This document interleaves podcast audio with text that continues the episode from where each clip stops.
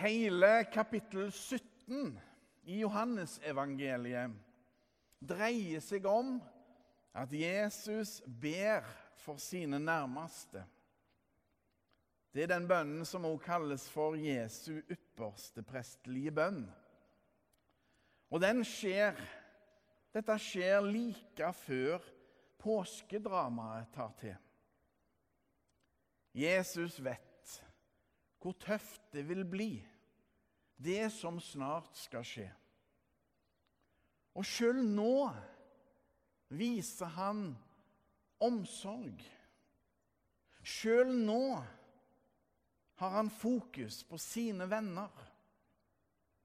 Og den omsorgen strekker seg inn i all framtid. Ja, for Jesus ber til og med for oss. I vers 20 etter prekenteksten, der han sier, 'Jeg ber ikke bare for dem, men også for dem som gjennom deres ord kommer til tro på meg', altså oss inkludert. Det er så typisk Jesus og hans guddommelige, evige kjærlighet. La oss høre Herrens ord.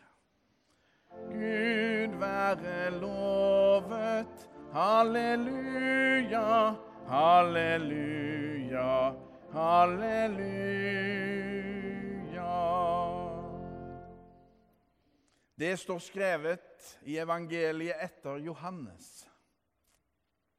Jesus sa, 'Jeg har åpenbart ditt navn for de mennesker du ga meg fra verden.' De var dine, og du ga meg dem, og de har holdt fast på ditt ord. Nå vet de at alt som du har gitt meg, er fra deg. For jeg har gitt dem de ord du ga meg, og de har tatt imot dem. Nå vet de i sannhet at jeg er gått ut fra deg, og de har trodd at du har sendt meg. Jeg ber for dem. Jeg ber ikke for verden, men for dem som du har gitt meg. For de er dine. Alt mitt er ditt. Og det som er ditt, er mitt. Og jeg er blitt herliggjort gjennom dem. Jeg blir ikke lenger i verden men de er i verden. Og jeg går til deg. Hellige Far, bevar dem i ditt navn, det navnet du har gitt meg, så de kan være ett, slik som vi er ett. Slik lyder det hellige evangelium. Er du vel bevart? Er du vel bevart?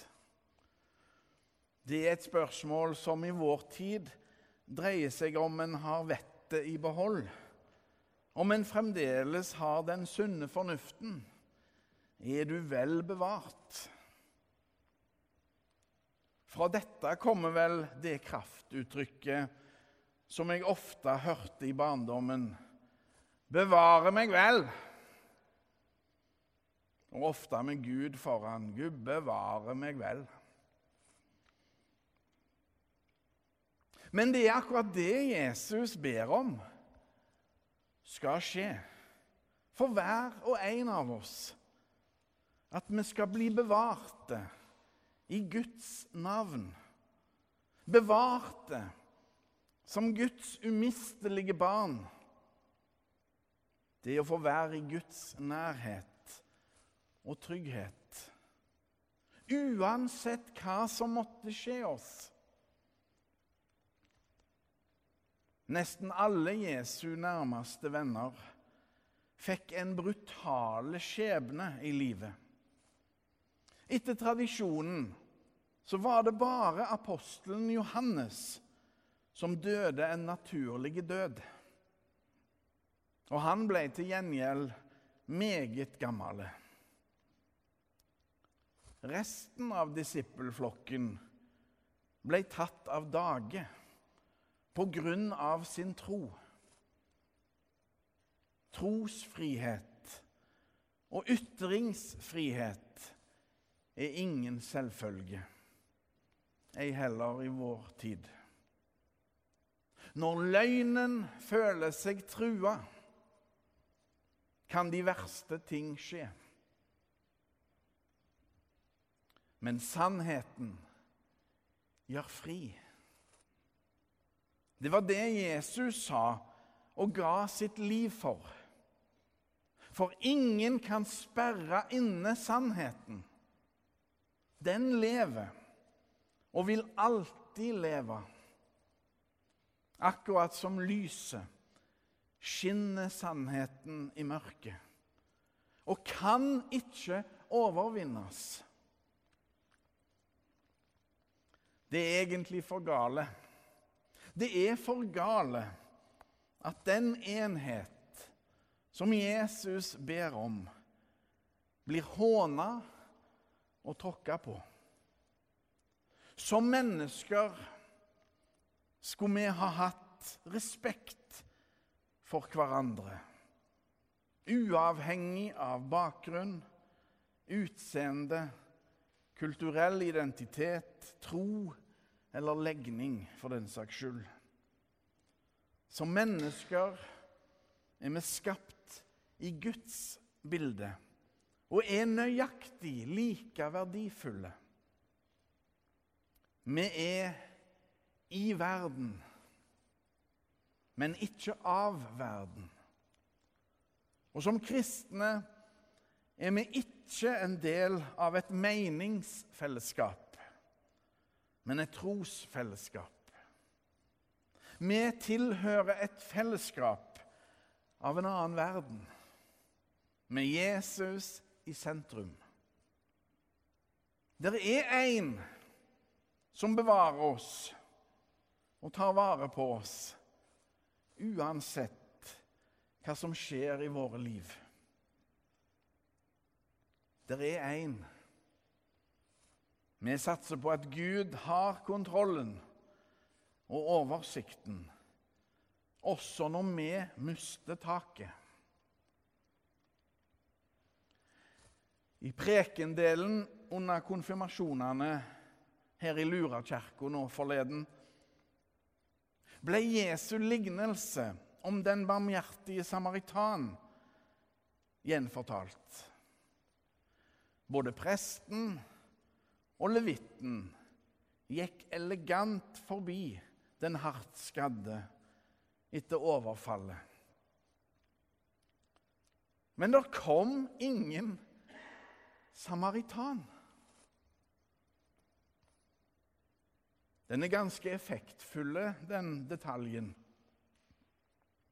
For det er jo rett og slett ingen selvfølge at det kommer en samaritan en barmhjertig person som tar seg av den stakkaren som er ramma.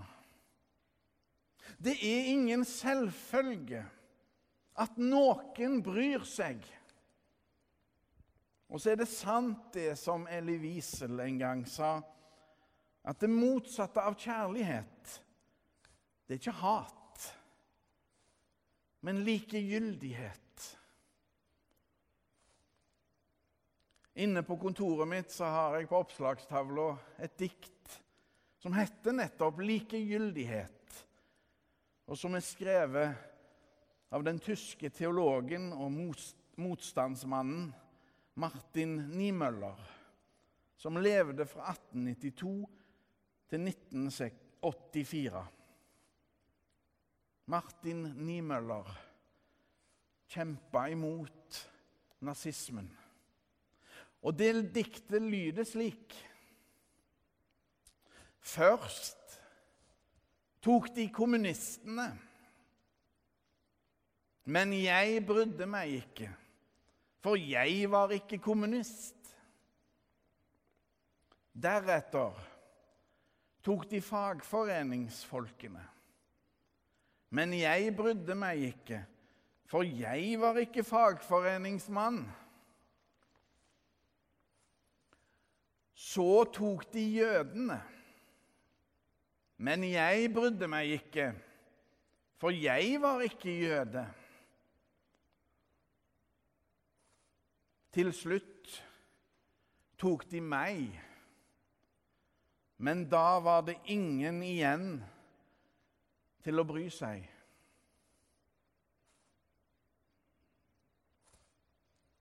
Vi må bry oss. Vi må bry oss slik Gud bryr seg. Vi er Guds tjenere.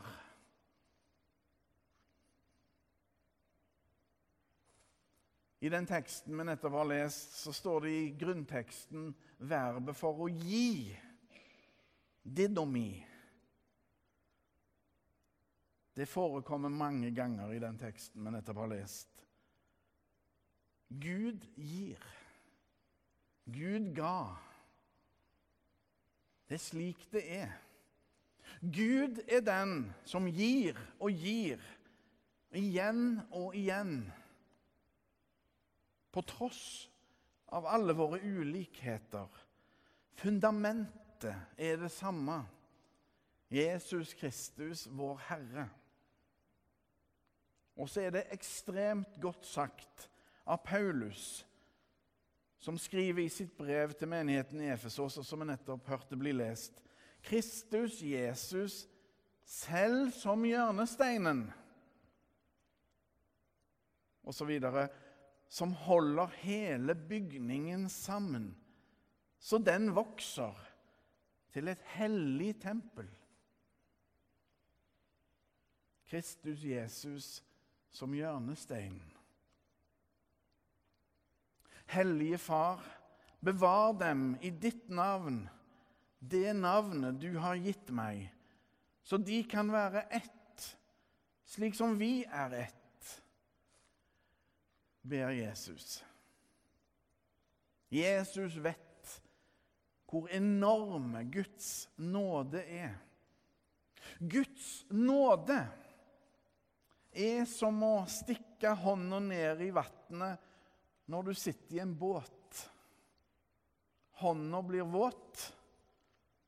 Men prøver du å samle vannet i hånda, blir det nesten ingenting igjen. Slik er det med våre liv kontra det evige livet og gudsvirkeligheten. Guds nåde er som en innsjø, som et hav. Gud vet nøyaktig alt om hver enkelt av oss, og har likevel en fullkommen kjærlighet og omsorg for alle. Til alle tider. Bevar oss vel, Gud. Ære være Faderen og Sønnen og Den hellige ånd, som var, er og blir en sann Gud fra evighet og til evighet. Amen.